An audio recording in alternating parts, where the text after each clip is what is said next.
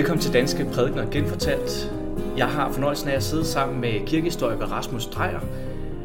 Rasmus, du har, du har fundet en prædiken, vi skal tale om, og en prædikant, vi skal se nærmere på. Kan du ikke sige lidt om, hvem det er, og hvor vi er henne? Jo, øh, vi er omkring år 1800, og øh, det er en ukendt teolog. Det er en helt almindelig sovnepræst. Og det synes jeg jo er en øh, sjov pointe øh, at bringe ind i, øh, i din øh, programserie her. Det er en prædiken til 12. søndag efter Trinitatis, holdt øh, flere gange øh, omkring år 1800 af præsten Nils Lassen Holm. Ja. Hvis man ikke kender ham, så er man undskyld, fordi han er øh, meget ukendt i den, en store oversigtsværk over danske præsters historie. Der, der er han nævnt med en linje. Det er øh, fra det sidste sted, han var præst, nemlig øh, i Kvivik, eller Kvivi, øh, på Færøerne, øh, i Nordstrømø øh, præstegæld. Men inden da, der havde han altså været sovnepræst i Nordjylland, hvor han kom fra, eller han kom fra Lindholm, øen Lindholm, mm. Øh, ved øh, Nørre Sundby, og, øh, og så havde han haft forskellige øh, kapelan øh, stillinger og, og, øh, og præstekald i Nordjylland, inden han altså øh, kom til øh, Færøerne i 1807. I 1807? Ja. Hva, ved du, hvad der drev, der drev ham til, til Færøerne? Nej, det ser ud som om, han, han har skiftet en del, øh, del øh, stilling øh, og har haft, øh, har svært ved ligesom at, at finde fodfæstet i, i, i det nordjyske og få en, en, en ordentlig, øh, et ordentligt kald. Og, og det, det er jo nok øh, nøden, der har drevet ham øh, øh, øh, nordpå, øh, ser det ud til. Det er jo et relativt øh, stort øh, præstekald, øh, altså, skal vi sige, efter færøske forhold dengang et, et fedt embede. Øh, Kujvik var også en, en landbrugsbygd, en relativt stor bygd, øh, og, øh, og Strømø, øh, som, som øh, den hovedøen, øh, hvor øh, Kujvik befinder sig, øh, har været et, et, et, et ret godt område at, at blive præst i, og også ret befolkningsrigt område, på trods af, at der på det her tidspunkt ikke har boet mere end måske 5-10.000 mennesker på færøerne allerhøjst. Ja, så det, det er et småt miljø, han kommer op til. Ja, og han har skulle dække flere kirker. Øh, nu er der kun noteret øh, i, i prædikerne, at han har holdt den her prædiken i, i Kvudvik, men ofte så har han skulle dække flere kirker, som han så har rejst, rejst rundt i, imellem øh, om søndagen. Men Rasmus, kan du sige noget om, når man som præst der i slutningen af, slutningen af 1700-tallet, mm. begyndelsen af 1800-tallet kommer til Færøerne for at virke der, mm har man bare uden videre kunne begå sig rent sprogligt? Ja, øh, dansk har været, er, er blevet kirkesprog på det her tidspunkt. Øhm, færøske, det færøske sprog, som vi kender i dag, er jo lidt ligesom nynorsk, en, en rekonstruktion, en restaurering af, øh, af det, det oprindelige færøske, norrøne øh, sprog. Og, øh, og sådan som færøsk er i dag, så er det jo stærkt inspireret af, af islandsk, øh, Øh, mens udtalen jo nok er mere sådan over i, i sådan vestnorsk, altså nynorsk øh, i udtalemæssigt. Stadigvæk en del danske islet øh, i, i sammenligning med, med islandsk. Øh, men på reformationstiden, så, øh, så går færøerne faktisk selv over, over til, til, til reformationen. De er jo et norsk biland, altså så der er der er jo også egen biskop. Øh, og der kommer også en luthersk biskop derop, en dansk biskop fra Ribe, men som i 1550'erne bliver, bliver drevet fra øh, øerne. Bispesædet er dengang i, i det, vi på dansk kalder for Kirkebø, øh, hvor der er en, en mægtig stor øh, kirkeruin, øh, og også den eneste øh, stenkirke fra middelalderen. Resten er jo nyere trækirker. Men han bliver drevet øh, fra øerne på grund af øh, sørøveri, altså især altiriske, altså muslimske, tyrkiske sørøver, øh, der, der haver øh, Island og Færøerne på det her tidspunkt. Og så kommer der jo altså en, en periode, hvor der ligesom ikke er kirkelig fokus, øh, og der ved vi ikke så meget, men vi kan se på, at, at vi kommer lidt længere frem i tiden, så begynder vi jo altså at få lidt øh, mere information om, hvem der faktisk bliver præster derop. Og det er både danskere, men det er også, øh, det er også færinger, øh, som, som bliver præster derop. Så vi må gå ud fra, at, at man har beholdt nogle former for blandingssprog i en, en lang begyndelse. Indtil slutningen af 1600-tallet får man jo ligesom meget faste liturgier på dansk, så får vi kirkeritualet øh, fra 1685, øh, og, øh, og, øh, og der, der kommer til at ske en sproglig ensretning i kirken i, i 1700-tallet, og det er jo, kan vi sige, på det her tidspunkt er vi jo sådan i slutningen af den periode, og, og, og hele præd, alle prædikerne er, er skrevet på dansk. Og øh, dagligsproget har nok været dansk-færøsk øh, blandingssprog øh, på det her tidspunkt, inden man, man skal vi sige, redder det færøske øh, talesprog og, og rekonstruerer skriftsproget. Så den her øh, nordjyske Niels Lassen Holm, han har haft en eller anden chance for at kunne begå sig rent sprogligt. Ja, han bliver jo også gift færøsk anden gang. Okay. Øh, fordi ja. hans, hans første kone var ikke så begejstret, åbenbart. Hun, hun hængte sig i fadeburet. Hun, øhm, hun hængte sig? Ja, øh, det, det, det, er jo, det er jo en trist historie. Muligvis var det, fordi de mistede en, en, en søn, og så kort tid efter øh, begår hun så selvmord. Men der bliver han så gift med en, en, en kvinde fra, fra bygden, en færøsk øh, kvinde. Okay, ja, så den første kone havde han med fra Aalborg? Ja, ja, ja. Okay.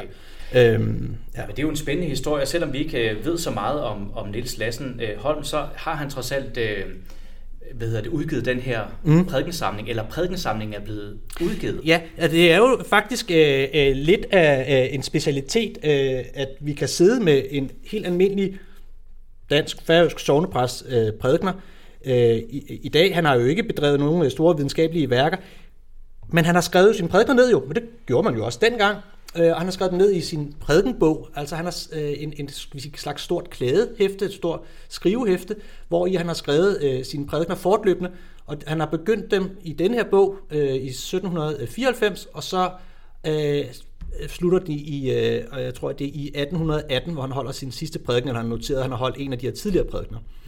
Og det er jo en meget stor bog, øh, og det interessante er, at den er blevet fundet i et chatol, blandt, altså i, i, altså for ganske nyligt, af familien, ja. øh, fordi Lassen-familien øh, findes så stadig på Færøerne, og det er chatol, øh, som stammer fra hans tid, er åbenbart gået i, i arv igennem generationerne, og det viste sig, at der var et hemmeligt rum inde i skabet, eller bagerst øh, inde i skabet bag en skuffe, så lå øh, den store prædikebog. Det var det så det var altså hans håndskrevne prædikner. Ja. fra hans første prædikner, som han har holdt som studerende, til han holder sine, øh, øh, nogle af sine sidste prædikner på færøerne. Okay, det, var det. det lyder helt kirkegårdsk med sådan et eller andet ja. Øh, chatol. Ja, ja men øh, der, der, i, i, i bogen her, som er så udgivet øh, i, øh, jeg tror det er i 2013, på et færøsk forlag, øh, men den, den er jo dog på dansk, der er der et billede af chatollet, så det chatollet findes. Rasmus, jeg skal lige høre dig en gang, den der, det er jo en lidt sjov genre, du taler om, den der prædikenbog. Mm. Er det, du siger, at det ikke var usædvanligt, man havde sådan en form for kladehæfte? Ja, jeg vil øh, gå så langt som at sige, det er noget, jeg også har lært på pastoralseminaret, da jeg gik der i 2009-10, øh, at man skulle printe sine prædikner ud jo, det skal man jo, når man skal holde dem, man skulle også sende dem i et ringbind øh, bagefter, fordi så kunne man jo altid holde dem igen, og det er jo faktisk det, der er den her praksis, og det, det har været praksis indtil for nogle årtier siden, at præster samlede deres øh, øh, prædikner i forskellige øh, bøger, eller hæftede dem sammen efterfølgende, så de fik sådan nogle komplette samlinger over hele deres prædikenvirksomhed. Mm. Og, øh, og det interessante er jo netop, at han også har noteret i dem, hvornår han har holdt dem. Okay. Det vil sige, at han har vendt tilbage til dem, og den her prædiken, som vi skal snakke om i dag, den er jo altså holdt ifølge notaterne øh, første gang i år 1800 i Åsted i Nordjylland, derefter i 1805 i Skyrum og Hørdum, også i Nordjylland, og så endelig i Kvudvik, altså på Færøerne, i 1809. Det er en prædiken, der har, der ja. været slidstærk. Ja, vi, øh, nu har vi jo ikke, øh, som vi sidder her i, i talende stund, adgang til at se prædikebogen, og det er ikke en tekstkritisk udgave, så det kunne også kunne være interessant at se, om han har rettet i dem undervejs. Det ja. vil jo være naturligt den form, vi arbejdede i i dag, når man som præst, det har jo også selv været præst, dykker ned og ser, hvad har jeg egentlig tidligere sagt om denne tekst? Ja. Og øh, så vil man måske også genbruge stof, man vil også omarbejde det, fordi anledningen kan være, kan være ny og, og anderledes. Øhm, det vil vi jo kunne se rent fysisk i, i, i selve øh, kildeteksten her, ikke? Ja. hvis vi havde adgang til den. Ja, men i den her udgivelse her, i den her udgave af prædikner, mm. vi har, der har vi netop den information, og det er så ja. den information, der stammer fra, fra prædikenbogen. Ja. Ja øh, kladen her. Det er jo sådan set en form for postil, bare uudgivet. Eller sådan, ja, det er en personlig postil, og det har, det har altså, præster jo normalt selv opbygget øh, igennem deres øh, skal vi sige, virke som præster, opbygget personlige postiller.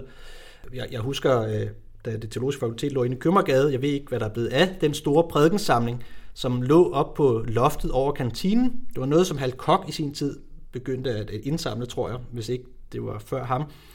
Øh, men der var der simpelthen blevet indsamlet og sendt ind, altså folks prædikenbøger, og, og øh, ringbind med prædikner, øh, og det er så samlinger fra det 20. 20. århundrede, eller første halvdel af det 20. århundrede.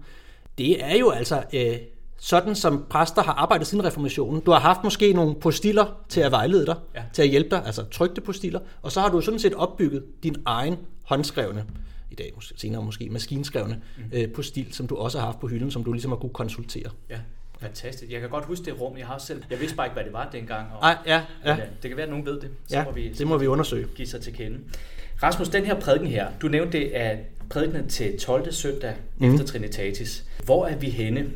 Er vi er i Markus evangeliet. Øh, det er den her nok sådan ret velkendte tekst om en døvstum mand, som øh, kommer til Jesus, og øh, Jesus siger så det her berømte ord, effata, altså luk dig op. Han uddriver en ond ånd, en dæmon, af ham og helbreder manden. Ja. Det vi skal notere os her, det er jo også, at det foregår blandt hedninger. Og det er jo noget, som, som, øh, som øh, Niels Lassenholm gør, han gør en stor point ud af i begyndelsen af, prædiken. Ja. Øh, Ja. Hvem er det egentlig, Jesus kommer til? Hvem er det egentlig, der bliver helbredt her?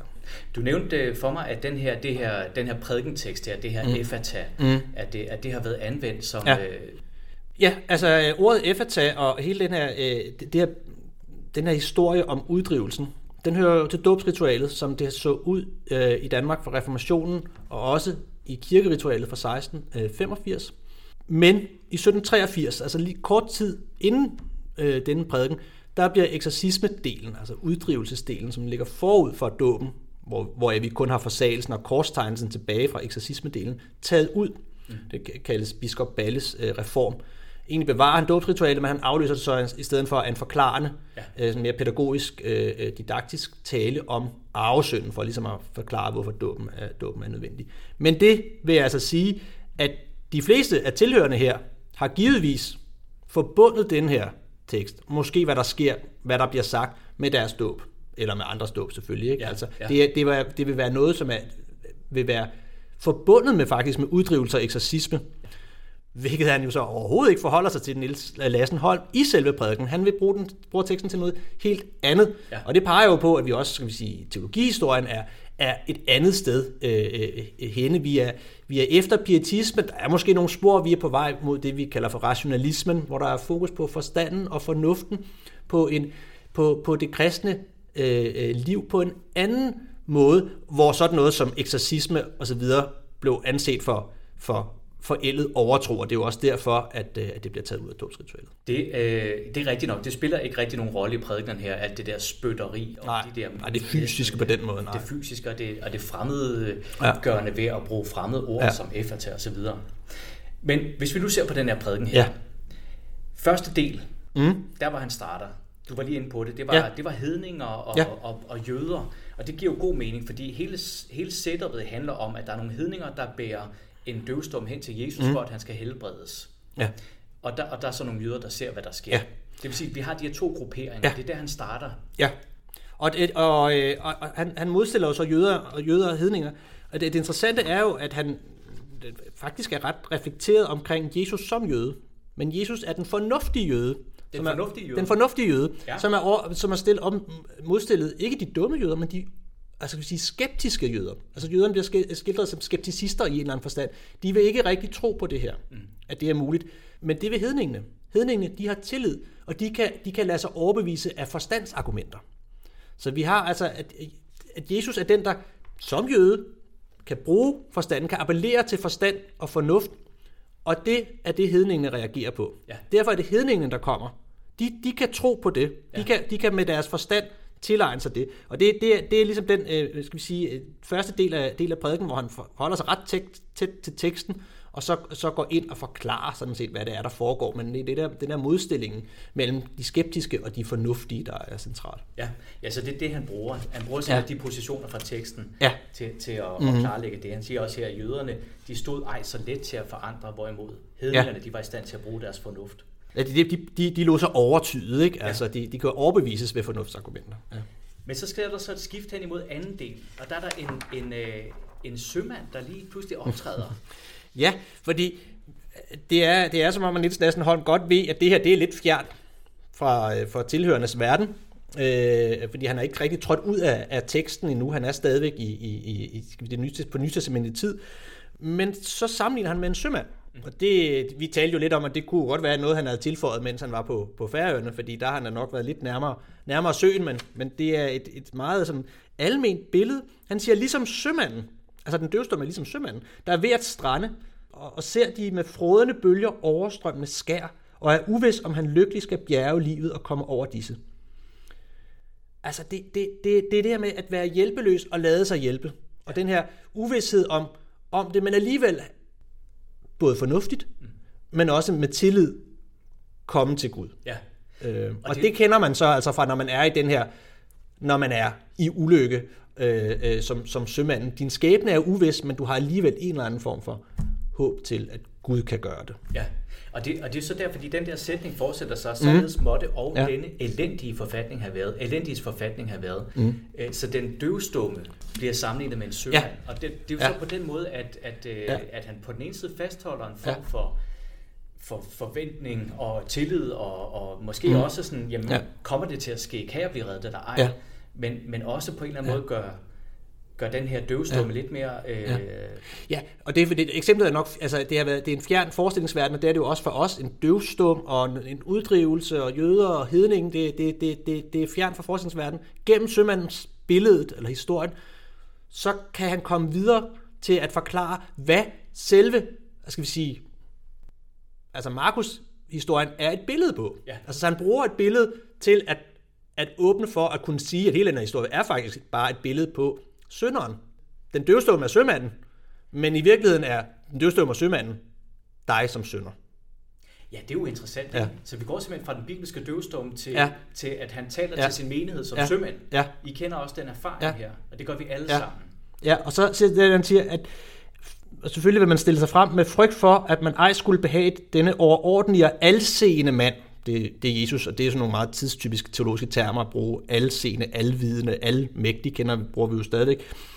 Øhm, at denne alseende mand, at han må have kommet til ham skælvende at fremtræde for Jesus. Og det, der, der er vi, nu er vi ved at nærme os en almen erfaring også af dit eget gudsforhold. Således fremtræder den sønder, og her sker skiftet. Nu er vi gået fra den døvstumme til sømanden, ja. til sønderen. Ja.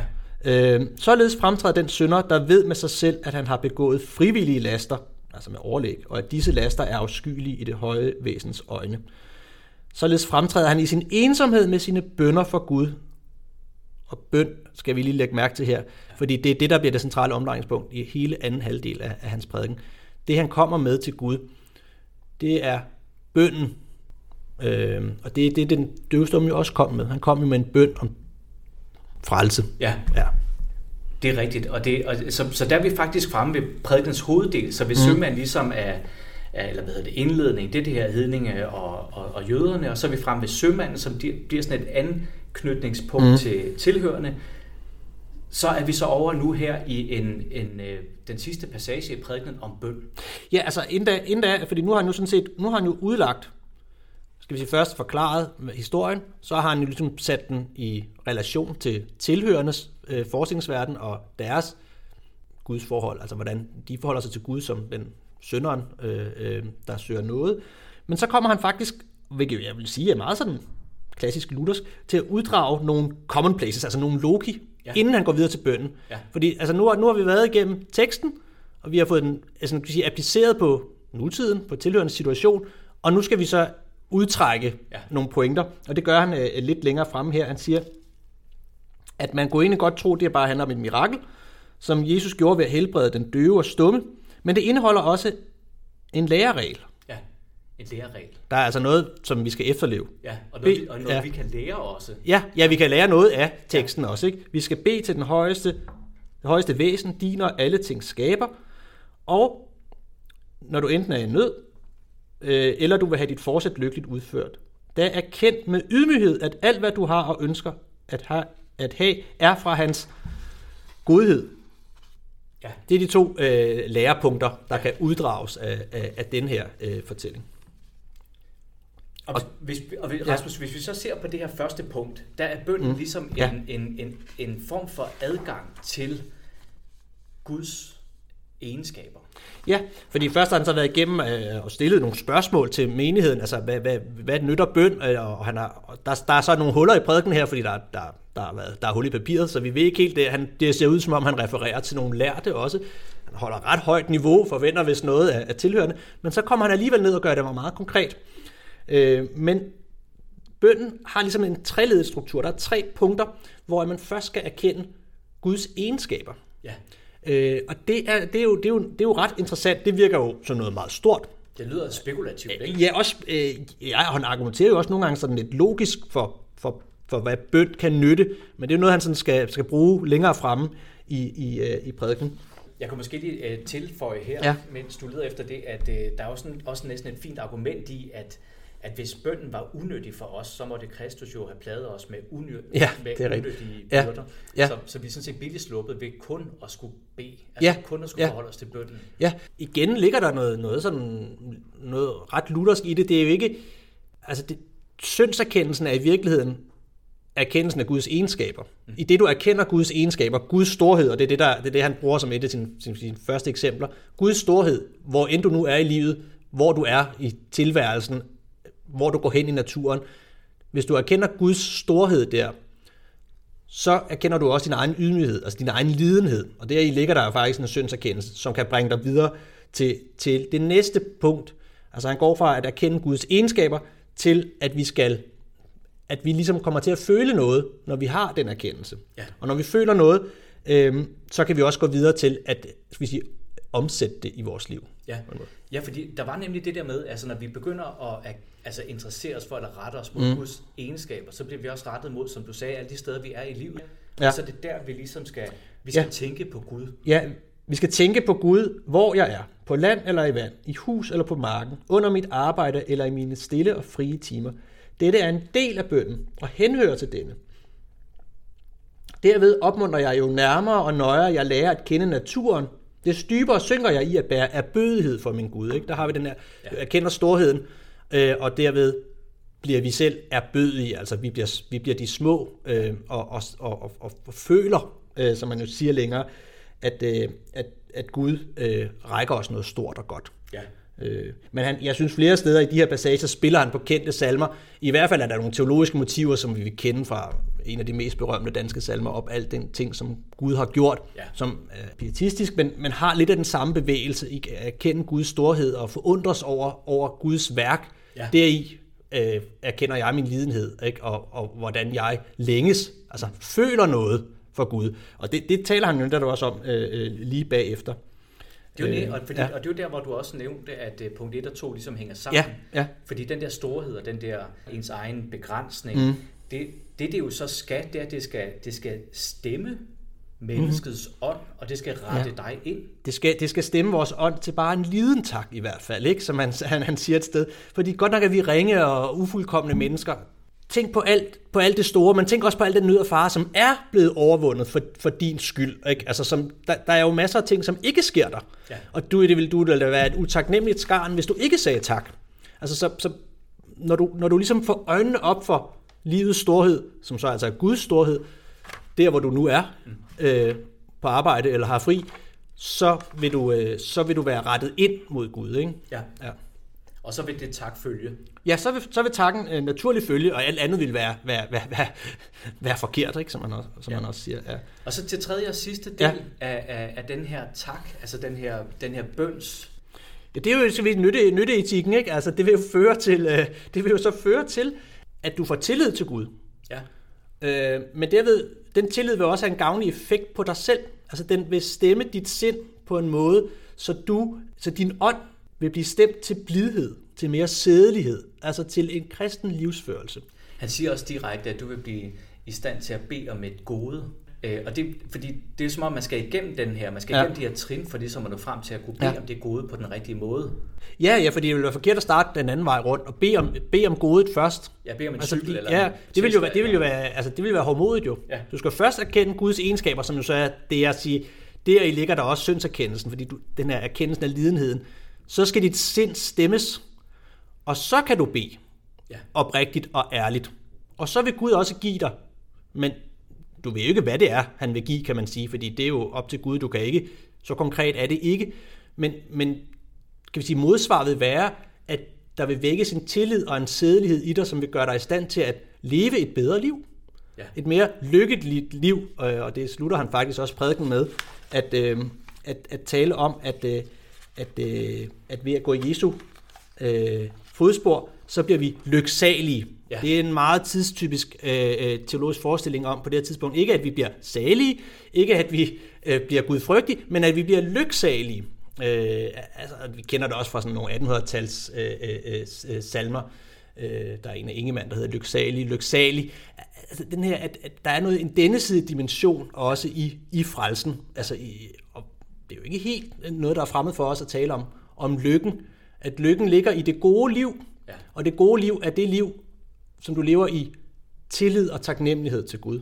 Ja. Det, det er jo sådan set det, han siger. Det er jo det. Er ved der springe tillid og taknemmelighed i dit eget liv, som vil gøre dit eget liv bedre. Mm. Men, men i, i, i den her forståelse af bøn, han egentlig har, mm. der er der vel egentlig både, at, at bønnen kan være en bøn om en given ting, mm. men også at den bøn er en, en, hvad skal vi sige, den genstand vender sig også mod dig selv. Altså, det er, jo, det er jo ikke konkrete goder, du skal bede om. Det du er jo, du, du beder jo for, for din egen skyld. Altså, han siger her på et tidspunkt, bed til ham om et gode. Der hæver han sit hjerte til ham. Mm. Det, er det, der, det er det, der er gode. Det er jo, at dit hjerte bliver, bliver hævet op til Gud. Altså, der sker en eller anden forening der, og derved bliver du jo altså i stand til at følge i hvert fald bedre efter Jesus og, og, og få den her øh, sædelighed. Øhm, så vil du få kærlighed, ikke? Al tanke om Gud, hans væsen, egenskaber, bestyrelsesplan, øh, når det eftertænkes ret, indgydes i den bedende sjæl. Rasmus, her til sidst. Ja. Den her, den har været holdt nogle gange, ved vi. Og sidst formodentlig i Kvivik, var det sådan? Ja, sådan siger man det på dansk, ja. I 1809. Vil den kunne holde til dag, tror du?